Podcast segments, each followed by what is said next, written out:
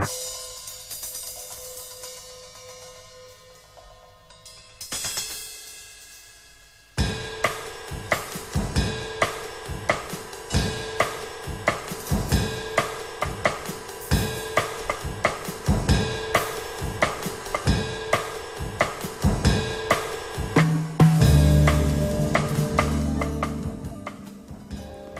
Anders Kvernmo Langseth er lederkandidat for NSO og befinner seg akkurat nå på landsmøtet i Tønsberg. Vi ringer han for en liten oppdatering. Lånekassen innfører månedlig betaling for alle fra høsten 2014. Kommunikasjonsdirektør er med oss på telefon og skal svare på spørsmål rundt den nye ordningen. Vår franske journalist har denne uken sett på hva som skjer i Hellas, og hvor, hvor universitetene har eh, måttet stenge dørene pga. streik. Nivå, nivået på norske studenter er en katastrofe, mener professor Bernt Hagetveit. Vi har snakket med noen studenter om hva de tenker om uttalelsen. Vi har også intervjuet psykologiprofessor Arild Råheim. Klokken har så vidt passert ett, og du hører på Nyhetsuka på Studentradioen i Bergen. Mitt navn er Marie Skarpaas Karlsen, og du får disse og flere spennende saker i løpet av denne sendingen. Men først en liten nyhetsoppdatering.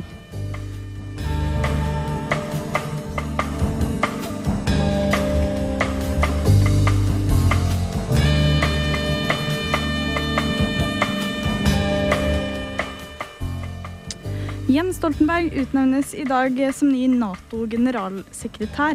Det melder en spansk avis. Vi vil komme tilbake med mer informasjon senere. Politiet har eh, innledet en etterforskning etter at eh, Nordlandssykehuset i Bodø i flere år skal ha feiltolket celleprøver til en kreftpasient. Dette skriver NRK. Jeg kan bekrefte at vi har en tilsynssak mot Nordlandssykehuset etter en klagesak fra en pasient. Det er tre pasienter som har klaget til Norsk pasientskadeerstatning men vi har bare én sak hos oss, sier fylkeslege Jan Peter Lea. Fylkeslegen ser alvorlig på saken som må rulles opp. Forsinket diagnostikk eh, av kreft eh, er en alvorlig sak, og de indikasjonene vi har, tyder på systemfeil ved Nordlandssykehuset, sier fylkeslegen. Overlogg en med flere pasienter eller eh, med flere kolleger som vitner, skal en overlege i 60-årene ha slått en 59-årig kvinnelig pasient med flat hånd i ansiktet, melder BA. Nå er overlegen tiltalt for legens legemsfornærmelse og brudd på helsepersonelloven ved at han skal ha opptrådt faglig uforsvarlig da han gjorde det han er anklaget for. Hendelsen skal ha skjedd ved 11-tiden eh, om formiddagen 2. mai i fjor eh, på det psykiatriske sykehuset. Det er Statens helsetilsyn eh, som politianmeldte psykiateren i 60-årene etter hendelsen. Hvordan psykiateren stiller seg til tiltalen om vold og brudd på helsepersonelloven, er uvisst før rettssaken i Bergen tingrett i midten av juni. En mann i 40-årene ble i dag klokken 09.25 løslatt fra fengselet på Hylkje. Klokken 10.40 ble han igjen arrestert for tyveri på Torgallmenningen. Dette tror jeg må være en ny rekord, sier politiadvokat Inger Lise Høyland til BA. 44-åringen forsøkte å stjele noe fra en safe på et bakrom, bakrom i det lokale Dolly Dimples på Torgallmenningen. I tillegg skal han ha opptrådt voldelig mot eh, en pers eh, person som kom til. Mannen ble pågrepet eh, på fersk gjerning, og dermed bar det igjen til politiets arrest. Fredag vil vi be om varetektsfengsling i fire uker, bekrefter politiadvokat Høyland overfor eh, BA. Dette blir mannens 25. dom. Det var en liten nyhetsoppdatering.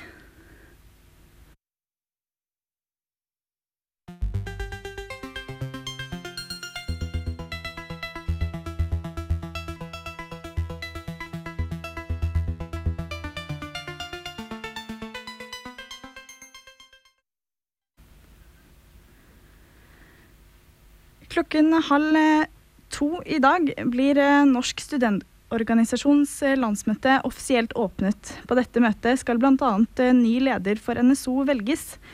En av kandidatene er Anders Kvernmo Langseth fra Høgskolen i Bergen. Og Anders, du er med meg på telefon. Ja, stemmer det. Hei, hei. Hei. Eh, hvilke studentpolitiske saker venter du vil dominere dette landsmøtet? Det som blir kanskje viktigst, er at eh, handlingsplanen for NSO skal opp eh, for det neste året. Så Der skal studentbevegelsen bestemme hva som blir de viktigste sakene å kjempe for å få gjennomslag for den kommende perioden. Men på landsmøtet skal det velges ny leder for NSO, og du er jo en av de to kandidatene i dette valget. Hvordan tenker du dine sjanser er? Jeg tenker at sjansen er god. Det er jo, til slutt så er det jo landsmøtet som må velge den lederen som en tror vil gjøre en best mulig jobb. Eh, men jeg spiller til valg fordi at jeg mener at jeg vil være en veldig god leder for NSO. Mm. Men hvordan har de siste ukene før selve valget vært? Eh, det har vært eh, hektisk, men samtidig så har vi fått reist litt rundt og hilst på andre medlemslag og profilert oss og vår plan for NSO og hva vi tenker vil bli de største endringene hvis vi skulle bli valgt som ledere. Det har vært en veldig fin periode. Ikke så hektisk som en kanskje skulle tro. Nei, ikke sant. Men uh, når er det det blir avklart uh, hvem som blir den nye lederen? Det ble, ble avgjort på, på, lørdag. Etter lunsj uh, rundt klokka to så blir ledervalget klart. Og så følger arbeidsutvalget rett etterpå. Det er jo fem andre plasser i arbeidsutvalget som også skal velges. Og Der er det jo hard kamp for å komme inn. Mm. Den motstanderen din i dette valget, hva er hennes eller hva, Hvordan ser du på henne som en motstander? Ja, jeg kjenner, jeg kjenner Gabrielle som stiller som motkandidat eh, eh, godt gjennom det året her i studentpolitikken. og har vært med henne to eh, vel et år her, så jeg har et veldig godt inntrykk av henne. Eh, veldig flott jente. Det blir, blir spennende å se hvem, hvem landsmøtet velger til slutt. Mm. Men Vil det skje noen eh, flere organis organisatoriske endringer i NSO? Ja, En skal, en skal bl.a. diskutere om NSO skal legge om fra landsstyret til sentralstyret. Som vil si at en Eh, at det ble et mindre, men mer politisk eh, organ. Eh, men da får ikke alle medlemslagene sin representant i landsstyret. Så det er kanskje den største organisatoriske endringa som en skal ta opp på det møtet her. Mm. Og så skal jeg nå, skal jeg nå vedta regnskap og budsjett for det neste året, som er jo rammene for NSO sitt politiske arbeid. Så det blir jo spennende å se hva en lander på der. Hvis du blir valgt som leder, hvilke saker er det du vil kjempe for da? Eh, jeg vil eh, først og fremst eh, at NSO skal rette fokuset mot utdanningskvalitet. Jeg syns at studentene for ofte blir framstilt som et offer, og at vinklinga i media ofte er at vi har det trist og kjipt. Jeg mener at NSO må endre retorikken for at vi skal bli en viktigere stemme i samfunnsdebatten. Vi har kanskje blitt for fokusert på bolig og studiestøtte. Hvis vi i tillegg kan vise hvilke fantastiske ressurser norske studenter er for fagmiljøene, og at regjeringa er helt avhengig av studentene for å kunne bygge kunnskapssamfunnet, så tror jeg at vi kan få større gjennomslag. Det er min, min plan for NSO. Jeg mener at det ikke skal gå an å snakke om høyere utdanning i Norge uten å snakke med NSO. Mm. Det høres veldig bra ut. Jeg sier takk til deg, og lykke til, eh, Anders Kvernmo Langseth fra NSO sitt landsmøte i Tønsberg. Takk skal du ha.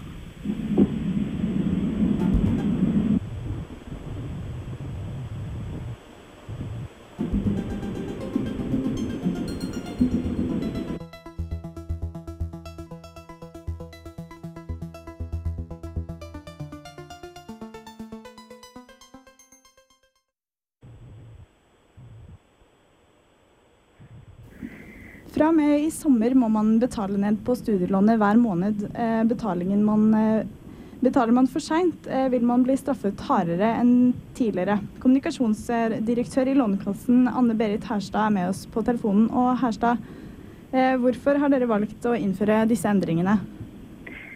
Jo, vi starter fra og med i sommer da, med å gå over fra kvartalsvise til månedlige regninger. Både fordi at tilbakebetalerne våre har ønska det over en stund, og fordi at vi selv ønsker det. Det er jo stort sett månedlige regninger rundt omkring i samfunnet, og nå skal også vi starte med det.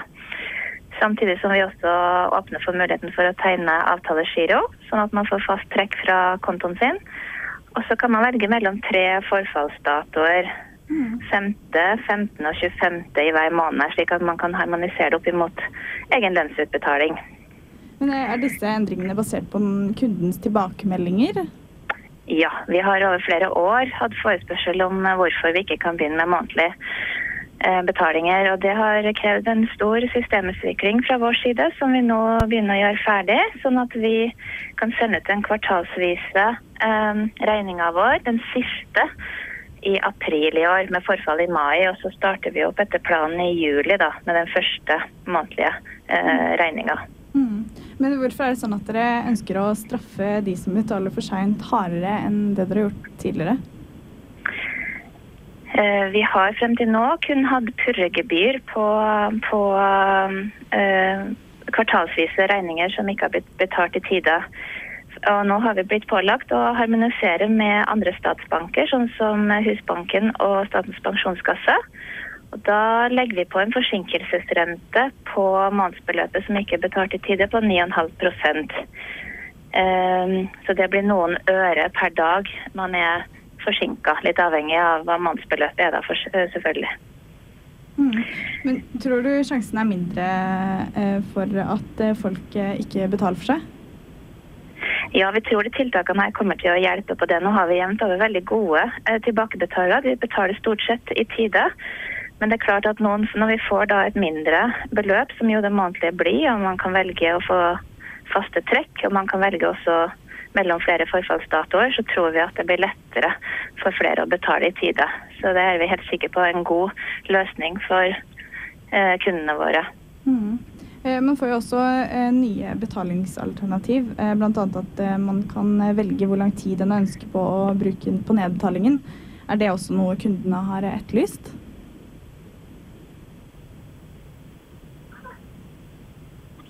Hallo? Hallo? Hører du meg? Ja, det gjør jeg. Ja. Jeg sa det at man får også nye betalingsalternativ. Blant annet ja. at man eh, kan eh, nå velge hvor lang tid en bruk, eh, ønsker å bruke på nedbetalingen. Og jeg lurte på om det da også er noe kundene har etterlyst? Ja, du, vi har etter, etterlyst det også. Dette er også en del av at kundene ønsker at ens egen ordning skal være litt mer fleksibel. Så når vi åpner for dette i sommer, så kan man da gå inn og se på om man ønsker å ha litt kortere nedbetalingstid f.eks. Da blir jo månedsbeløpet høyere. Eller om man ønsker å ligge på en standard som vi har på ca. 20 år. Mm. Men eh, takk for at du var med oss eh, over telefon, kommunikasjonsleder i Lånekassen Anne Berit Herstad. Jo, hei.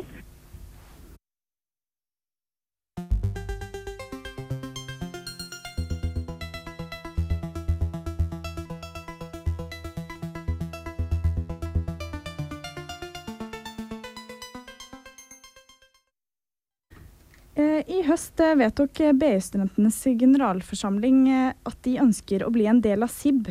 Og denne uken ble kontrakten mellom SIB og BI underskrevet. Fra, og fra høsten av blir BI med i SIB. Og med, det blir studentsamskipnadsfamilien utvidet fra dagens 27 000 studenter til nærmere 30 000. Hvordan vil eh, SIB sikre at eh, BI bidrar eh, nok til å opprettholde dagens velferdstilbud? Vi har med oss Marita Monsen, kommunikasjonsleder i SIB. Hei. Hei, hei. Ja, først må jeg si at det er veldig gledelig at BI nå endelig blir med i SIB. Og vi tror det er veldig positivt at vi får samla hele Studentbergen i SIB.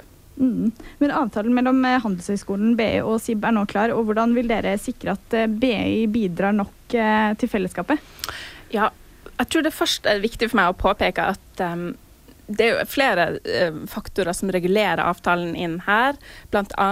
lov om samskipnad. Så det vil si at BI faktisk har en lovfesta rett til å bli med i SIB, så vi kan på en måte ikke si noe uh, om, om, den saken. Uh, når det er sagt, så har vi den avtalen vi har kommet fram til med BI. Det er samme avtalen som BI har med de andre samskipnadene. Og vi syns jo at det, er et greit utgangspunkt for de når de blir med i SIB. Mm. I forrige uke hadde, hadde, vi med oss leder for Velferdstinget, Velferdstinget Tore Sivertsen Prestegård, eh, i studio. Og han mener det er viktig at institusjoner bidrar tilnærmet like mye prosentvis per student eh, til SIB. Eh, hvordan stiller dere til dette? Ja, det, det, stemmer det at UiB og Hanseskolen og Høgskolen i Bergen de bidrar med litt mer enn de andre, andre Eh, studiestedene. Um, og de bidrar jo nå bidrar med 100 kroner per student uh, i året. Og det er på en måte det er det de andre skolene også bidrar med. Så vi syns at, at, det er et godt utgangspunkt, kan vi si. Mm. Men hvordan vil det påvirke velferdstilbudet at 2700 flere studenter skal benytte seg av, av det fra høsten av? Ja, nå jobber vi med å dimensjonere ut det tilbudet. Og vårt mål er at det ikke skal bli større press på tilbudene. Det skal ikke bli lengre ventetid eller noe sånt på, på tilbudene vi har allerede i dag, når BI blir med. Mm. Mm. Men eh, ser dere for dere at det, det, er noen form for utbygging av disse tilbudene dere allerede har? Ja, nå eh, åpner vi jo eh, SIB Kronstad, treningssenter på Kronstad, åpner vi jo 1.8. Og da flytter jo også høyskolen sine lokaler opp til Kronstad. Så det, da håper vi at eh, kapasiteten i sentrum skal bli litt uh, frigjort, kan du si. Mm. Um, I tillegg så har vi jo SIB sentrum, som vi har åpent til desember. Og så åpne, uh, jobber vi med å utvide de tilbudene vi allerede har. Vi ønsker å utvide Vektertorget, og vi jobber også med å utvide både Fantoft og Lemkullhallen. Mm. Men det med at eh, BI bidrar med 100 kroner, og så eh, altså det mens YB og NHH bidrar med mer. Eh, hvorfor er det sånn at eh, disse mindre institusjonene slipper litt billigere unna? ja, altså vi har jo som regel ikke Vi har ikke anledning til å stenge de ute. Så vi jobber jo med å få en best mulig avtale for alle sammen. Men når det gjelder eh, UiB og Handelshøyskolen, så har de jo f.eks. treningssenter på campus. De har flere tilbud som ligger på campus, og det betaler de jo litt ekstra for. Mm. Eh, men ja, ja, for Hvilken eh, betydning har det for eh, studentene på BI at de er nå med i SIB fra høsten av? Det tror jeg har en veldig stor betydning. Vi hadde et møte med de tidligere i uka, BIS, som er på det studentdemokratiet der, og de var veldig veldig fornøyde. Og de, de syns det er veldig positivt at de blir inkludert i resten av Bergen. og ja, når vi snakket med dem, så var de kjempepositive. Og vi er også veldig glad for at, at de blir med. At vi, vi, føler de har vært litt på sida, og nå er de endelig, endelig med. Mm. Eh, men hvilke krav har dere stilt til eh, BI for at de skal få være med?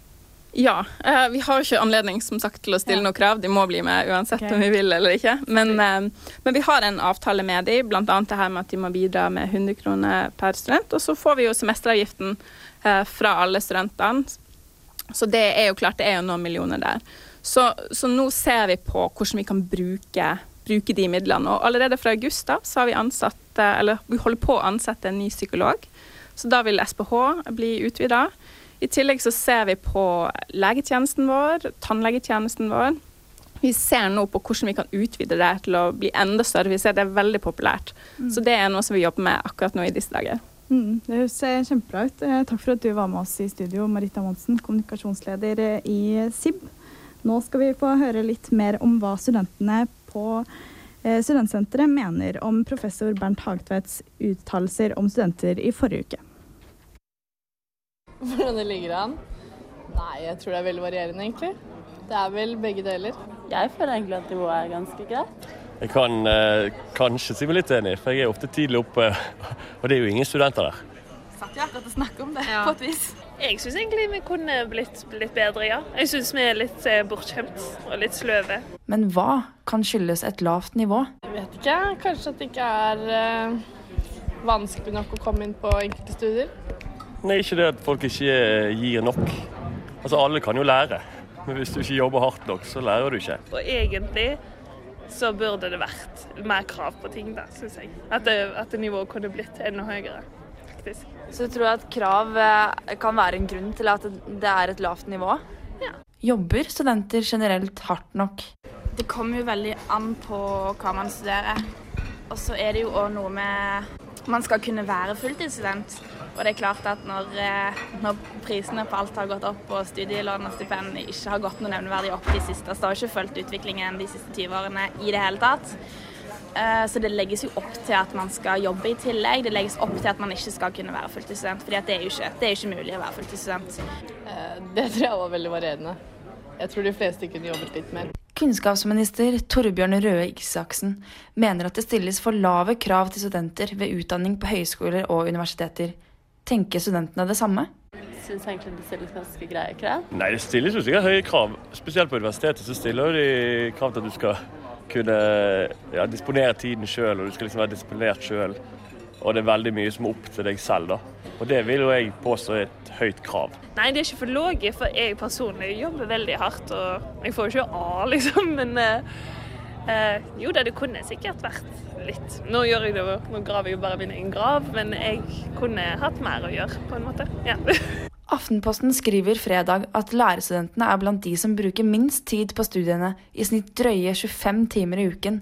Vi spurte studenter hvor mange timer i uken de brukte på skolearbeid utenom forelesninger.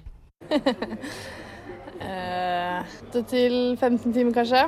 Mm, det er veldig varierende. Alt fra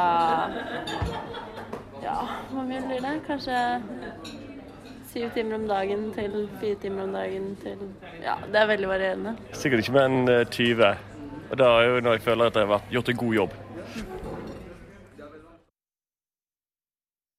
Da har jeg med meg på telefon Arild Råheim, professor ved psykologifakultet eh, her på Universitetet i Bergen. Hva er dine umiddelbare tanker om disse intervjusvarene, Råheim? Nei, jeg tenker det at um, det, Problemet er ikke at vi stiller for små eller for lave krav til studentene.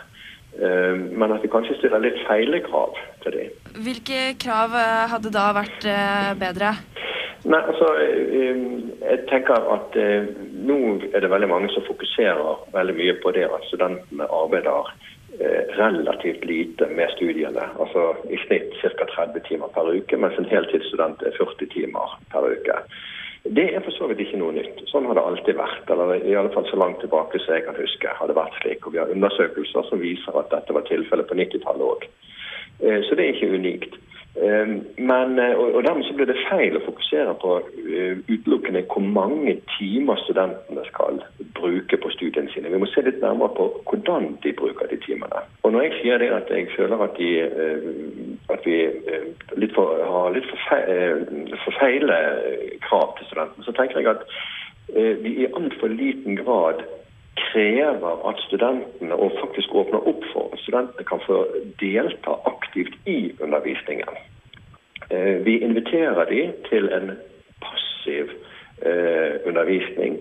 Jeg kaller det for ofte en søvndyssende forelesning, som for så vidt ikke krever så mye annet av studentene enn at de er til stede. Så hva tenker du studenter eller lærere kan gjøre for å skape et høyere nivå i høyere utdanning? Ja, altså, øh, vi kan, vi kan, øh, hvis, hvis, det er slik at f.eks. professor Bernt Haktvedt på Universitetet i Oslo og andre som har uttalt seg nå om disse tingene, øh, er tilfreds ved at studentene deltar passivt på forelesninger 40 timer i uken eller 20 timer i uken, så er det én sak. Men jeg tenker det at vi må gjøre noe med undervisningen vår. Vi må forandre undervisningen. Vi har i altfor stor grad uh, lagt vekt på, og vi legger i altfor stor grad vekt på passiviserende forelesninger. Uh, to ganger 45 minutters forelesninger. Dette er en, en, vil jeg påstå, en avleggs undervisningsordning. Vi må tilby studentene en helt annen type eh, undervisning, eh, hvor vi aktivt bruker de som medprodusenter av kunnskap.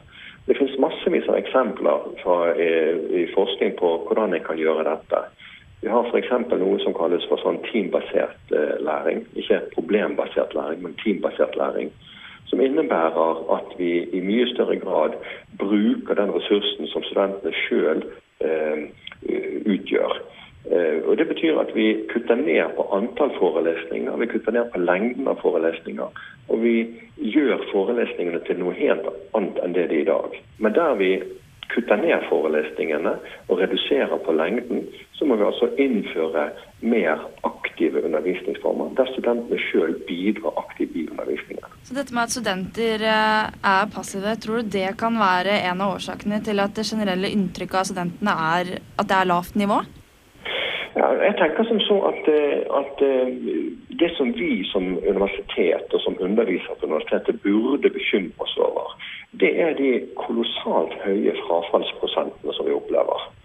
Eh, og Nå kan jo selvfølgelig være mange forskjellige årsaker til at studenter faller fra.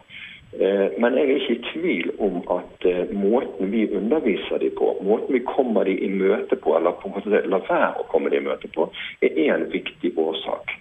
Jeg mener det at Universitetene eh, og høyere utdanning har ikke fulgt med i timen. Eh, studentene som vi får på universitetet i dag, er noe helt annet enn det vi fikk for en 10-15 og 20 år siden. De er vant med gjennom hele skolegangen sin på å aktivt delta i undervisningen. De, en annen, de, har en helt annen digital kompetanse enn det studentene eh, hadde tidligere. Og de forventer en annen type oppfølging og medvirkning enn det vi tilbyr dem. Så jeg tror faktisk at vi er nødt til å gjøre noen ganske radikale grep i forhold til måten vi underviser studentene på. Så du tror at et mer aktivt miljø vil motivere studentene til å vie litt flere timer i uken på skolearbeid? Altså, jeg, er ikke så bekymret for at de arbeider for få for, for timer. for eh, jeg tenker det at uh, Du kan ikke måle læring i uh, antall timer som en har arbeidet med stoffet, eller i hvor mange sider nødvendigvis studenten har lest. Det er klart det finnes et visst minimum av timer som en må legge inn i studiene for at det skal lære noe i det hele tatt. Men jeg er mer opptatt av å se på innholdet i den tiden en bruker. Og da vil 20 timer eller 15 timer i uken som virkelig eh, innebærer at studentene aktivt arbeider med fagstoffet sammen med eh, medstudenter, sammen med en engasjert underviser, er mye mer eh, verdifull og har mye mer å si for læringen til studentene enn om de passivt deltar på, på, på mange forelesninger. Så vi må se på hva en faktisk bruker tiden på, og som jeg sier òg i enkelte sammenhenger, hvordan en av og til misbruker tiden. Jeg tror at mange studenter eh, eh, eh deltar på for mye organisert undervisning. De burde heller brukt tiden på andre måter. Og med det sier vi tusen takk til Arild Råheim, professor ved psykologifakultet her ved Universitetet i Bergen. Det var reporter Sara Løvhaug.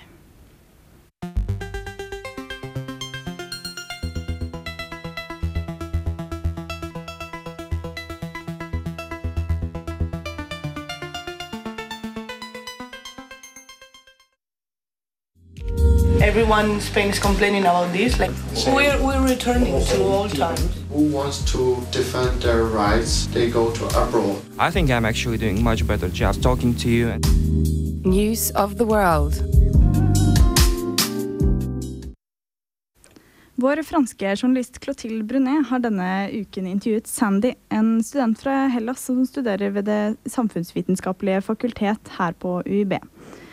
Hun eh, forteller om det regjeringen gjør i hjemlandet hennes, hvor bl.a. Atens to mest eh, prestisjefylte universiteter har måttet stenge dørene.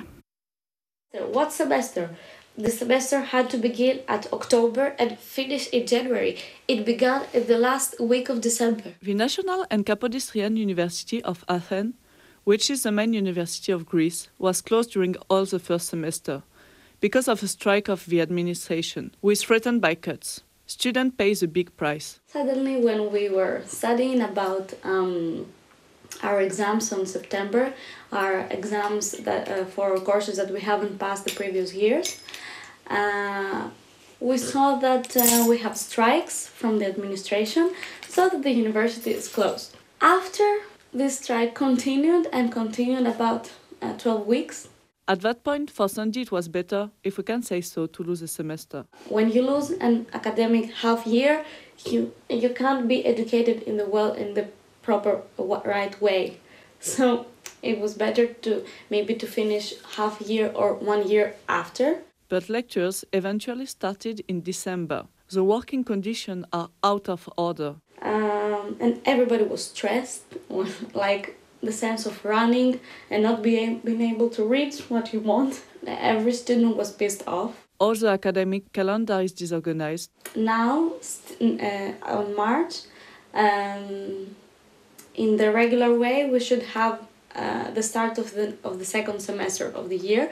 But now that the students there are giving the exams, the exams for the first semester and the exams of September. So it's a double exam period. They give also exams during weekends. So maybe Sundays, let's go to give an exam.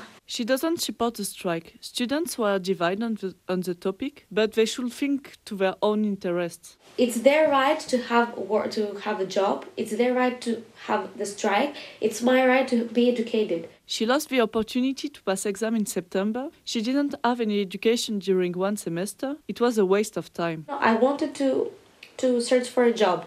When I was about searching a job, and uh, they said, okay, in, uh, in two uh, days we will open the university again, again, after it was closed. In after one week, the same and the same. This strike also impacted badly her Erasmus year because she was unable to contact the administration. Ah, and here is when I had the shock that I was uh, maybe I would be able to come with the Erasmus, that they, uh, it was not able to correspond to each international uh, obligations. It was the words that make me freak out.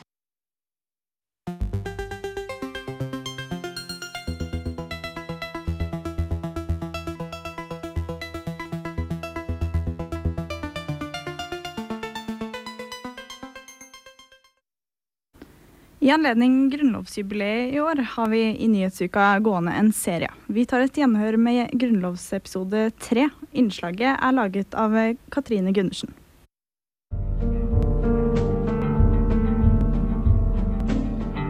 Vi feirer år i år. Vi blir uh, 200 år, ja. Mm, det er helt riktig. Jeg syns vi har en av de mest liberale grunnlovene og mest demokratiske grunnlovene i Europa.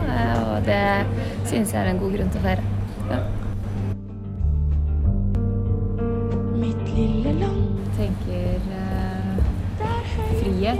Demokrati. Frihet og demokrati. Er det det vi feirer i år? Og der stillhet og drømmer gror. Hva har egentlig Grunnloven å gjøre med vår frihet? Og den handler om eh, frihet for enkeltindividene i samfunnet, og at de ikke skal bli, eh, få statlig inngripen i livet sitt. Og eh, eh, ja, det handler om frihet for å velge styremakt sjøl innad i landet. Eh, altså, og dog demokratiet. For å få frihet, så må du òg ofre frihet. Jeg trenger ikke ha så sterke meninger om Grunnloven ennå. Det er en god ting som har vent å se å ha. Igjen, altså, vi kan ta den litt fort for gitt, men det er jo noe vi burde minnes på. da, At det, han er faktisk veldig viktig.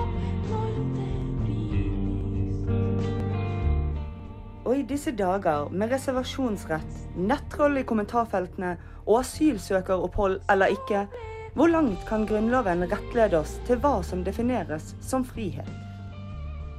Alle lover, og da spesielt også Grunnloven, har en uendelig mengde tolkninger. Så det er umulig egentlig å vite hva de tenkte når de satte arbeidsvalg. og egentlig skrev den. Altså, for alle kan tolke det forskjellig. Noe av det som er viktig å eh, kommunisere til studentene, er at hvilken betydning eh, Grunnloven skal ha, det er åpent. Et åpent spørsmål. Og er noe som hver generasjon må eh, definere selv. Mitt lille land. Et lite sted, en håndfull fred slengt ut blant vidder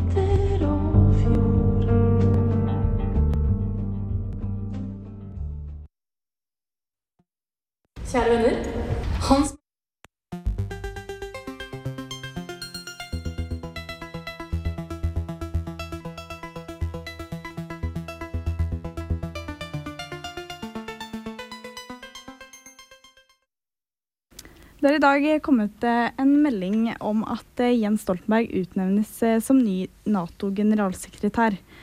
Dette melder Aftenposten. En kilde med nær kjennskap til prosessen skal overfor Aftenposten ha bekreftet at konklusjonen er trukket. Utnevnelse skal komme i dag, trolig klokken 15. Stillingen som generalsekretær i Nato er den høyeste internasjonale stillingen en nordmann har hatt siden Trygve Lie i 1945, da han ble FNs første generalsekretær, skriver avisen. Stoltenberg har fått, seg, fått støtte fra USA, Frankrike, Tyskland og Storbritannia. Og de siste ukene har også land med egne kandidater blitt overtalt til å satse på Stoltenberg.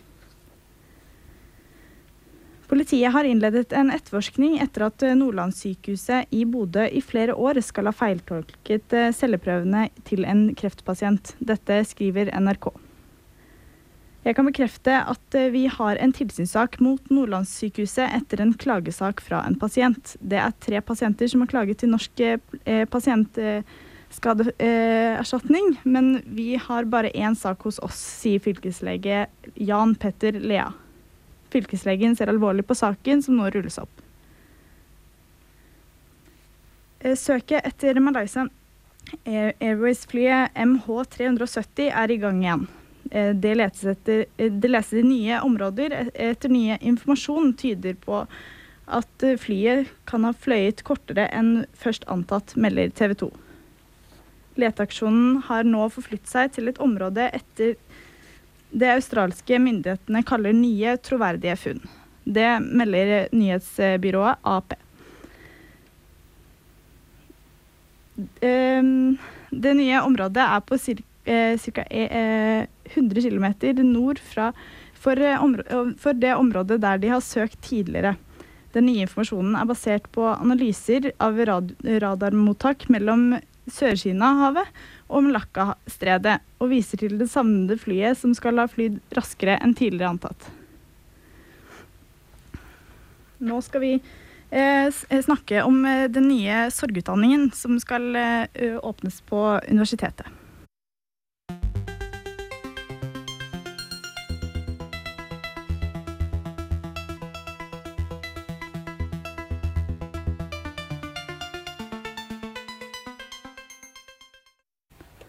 Fakultetsstyret ved Det psykologiske fakultet har vedtatt å opprette sorgutdanning. Emnet er, er utviklet av Atle Dyregrov og gir 15 studiepoeng. Dette retter seg mot eh, helsepersonell som eh, sykepleiere og leger, også fagfolk eh, som sosionomer, lærere, psykologer, prester i kirken retter emnet seg mot. Med meg på telefonen har jeg Atle Dyregrov, eh, spesialist i klinisk eh, psykologi ved Senter for krisepsykologi. Hei. Ja, hei sann. Hei. Eh, Hva er grunnen til at eh, dere oppretter dette kurset? Det er fordi at det trengs mer kunnskap om sorg blant både helsepersonell og andre. Og det er en erkjennelse av at dette området kanskje ikke har fått så stor oppmerksomhet som vi trenger i en helsesammenheng. Men hvorfor mener du at eh, ja, det er eh, altså, nødvendig med et kurs som lærer, eh, der man lærer om sorg? Det, det er jo fordi at vi eh, ser, vi møter jo mange av familiene som møter både helsevesen, kirke og andre, og, og ser at eh, det trengs mer kunnskap. Det, er, eh, det henger sammen med at vi etter hvert år får bedre oversikt over de helsevirkninger som spesielt komplisert sorg kan ha, og at det er viktig med god umiddelbar hjelp og god oppfølgingshjelp. Og det er viktig at de som jobber både i helsevesen, kirke, politi, kan vite når de skal henvise videre når en trenger mer spesifikk hjelp når en har sliter med problemer. Eh, Men dette er jo et eh, betalingskurs som er organisert eh, under etter- og videreutdanning. Hvorfor er det et kurs som må koste penger? Ja, det er jo fordi at det er ikke gitt noen penger direkte over statsbudsjettet til et kurs, og da må det jo finansieres. og Da er det vanlig med etterutdanningstilbud til ulike yrkesgrupper at de må betale selv. Det er den måten som en kan få det til å gå i hop på. Vi ville jo selvfølgelig ønsket at dette var noe som vi kunne tilby fritt, men sånn er det ikke i det moderne samfunn, dessverre. Nei. Men altså, mener du at, eller tror du at Norge er, som samfunn må ta eh, ansvar slik at vi blir mer rustet til å møte situasjoner der eh, sorg er en veldig stor faktor? Ja da, er, Det er nok en erkjennelse av det. og Etter 22. juli så har en jo, når så mange mennesker dør på en gang, så blir jo det blottlagt også hvor stort eh, kunnskapsmangel det kan være mange steder. Det betyr ikke at helsearbeidere og andre gjør en dårlig jobb i dag, men det kan forbedres. Og vi kan spesielt forbedre kunnskap om de eh, mer alvorlige eh, konsekvensene av sorg. For det er mellom 10 og 20% av de som opplever tap av sine nærmeste, som eh, utvikler til dels betydelige helseplager. Ja, Du nevnte 22. juli. Er det, altså, har dere startet med dette arbeidet etter, eh, etter den hendelsen, eller?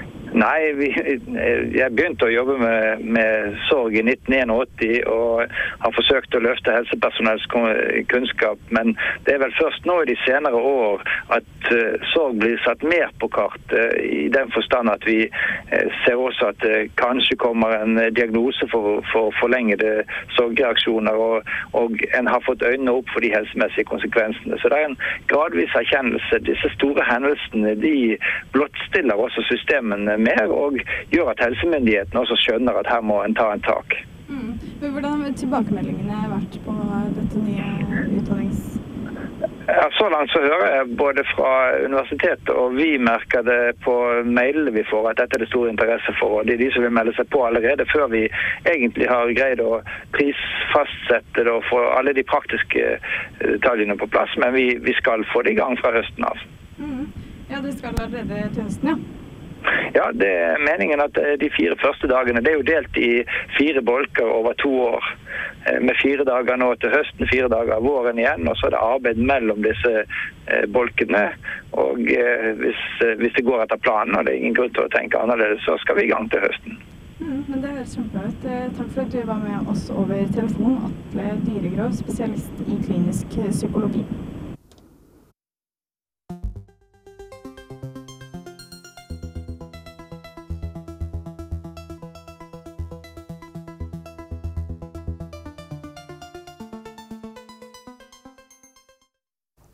Jeg vil eh, gjerne takke dagens gjester. Anne Berit Herstad, kommunikasjonsdirektør i Lånekassen. Atle Dyregrov, spesialist i klinisk psykologi.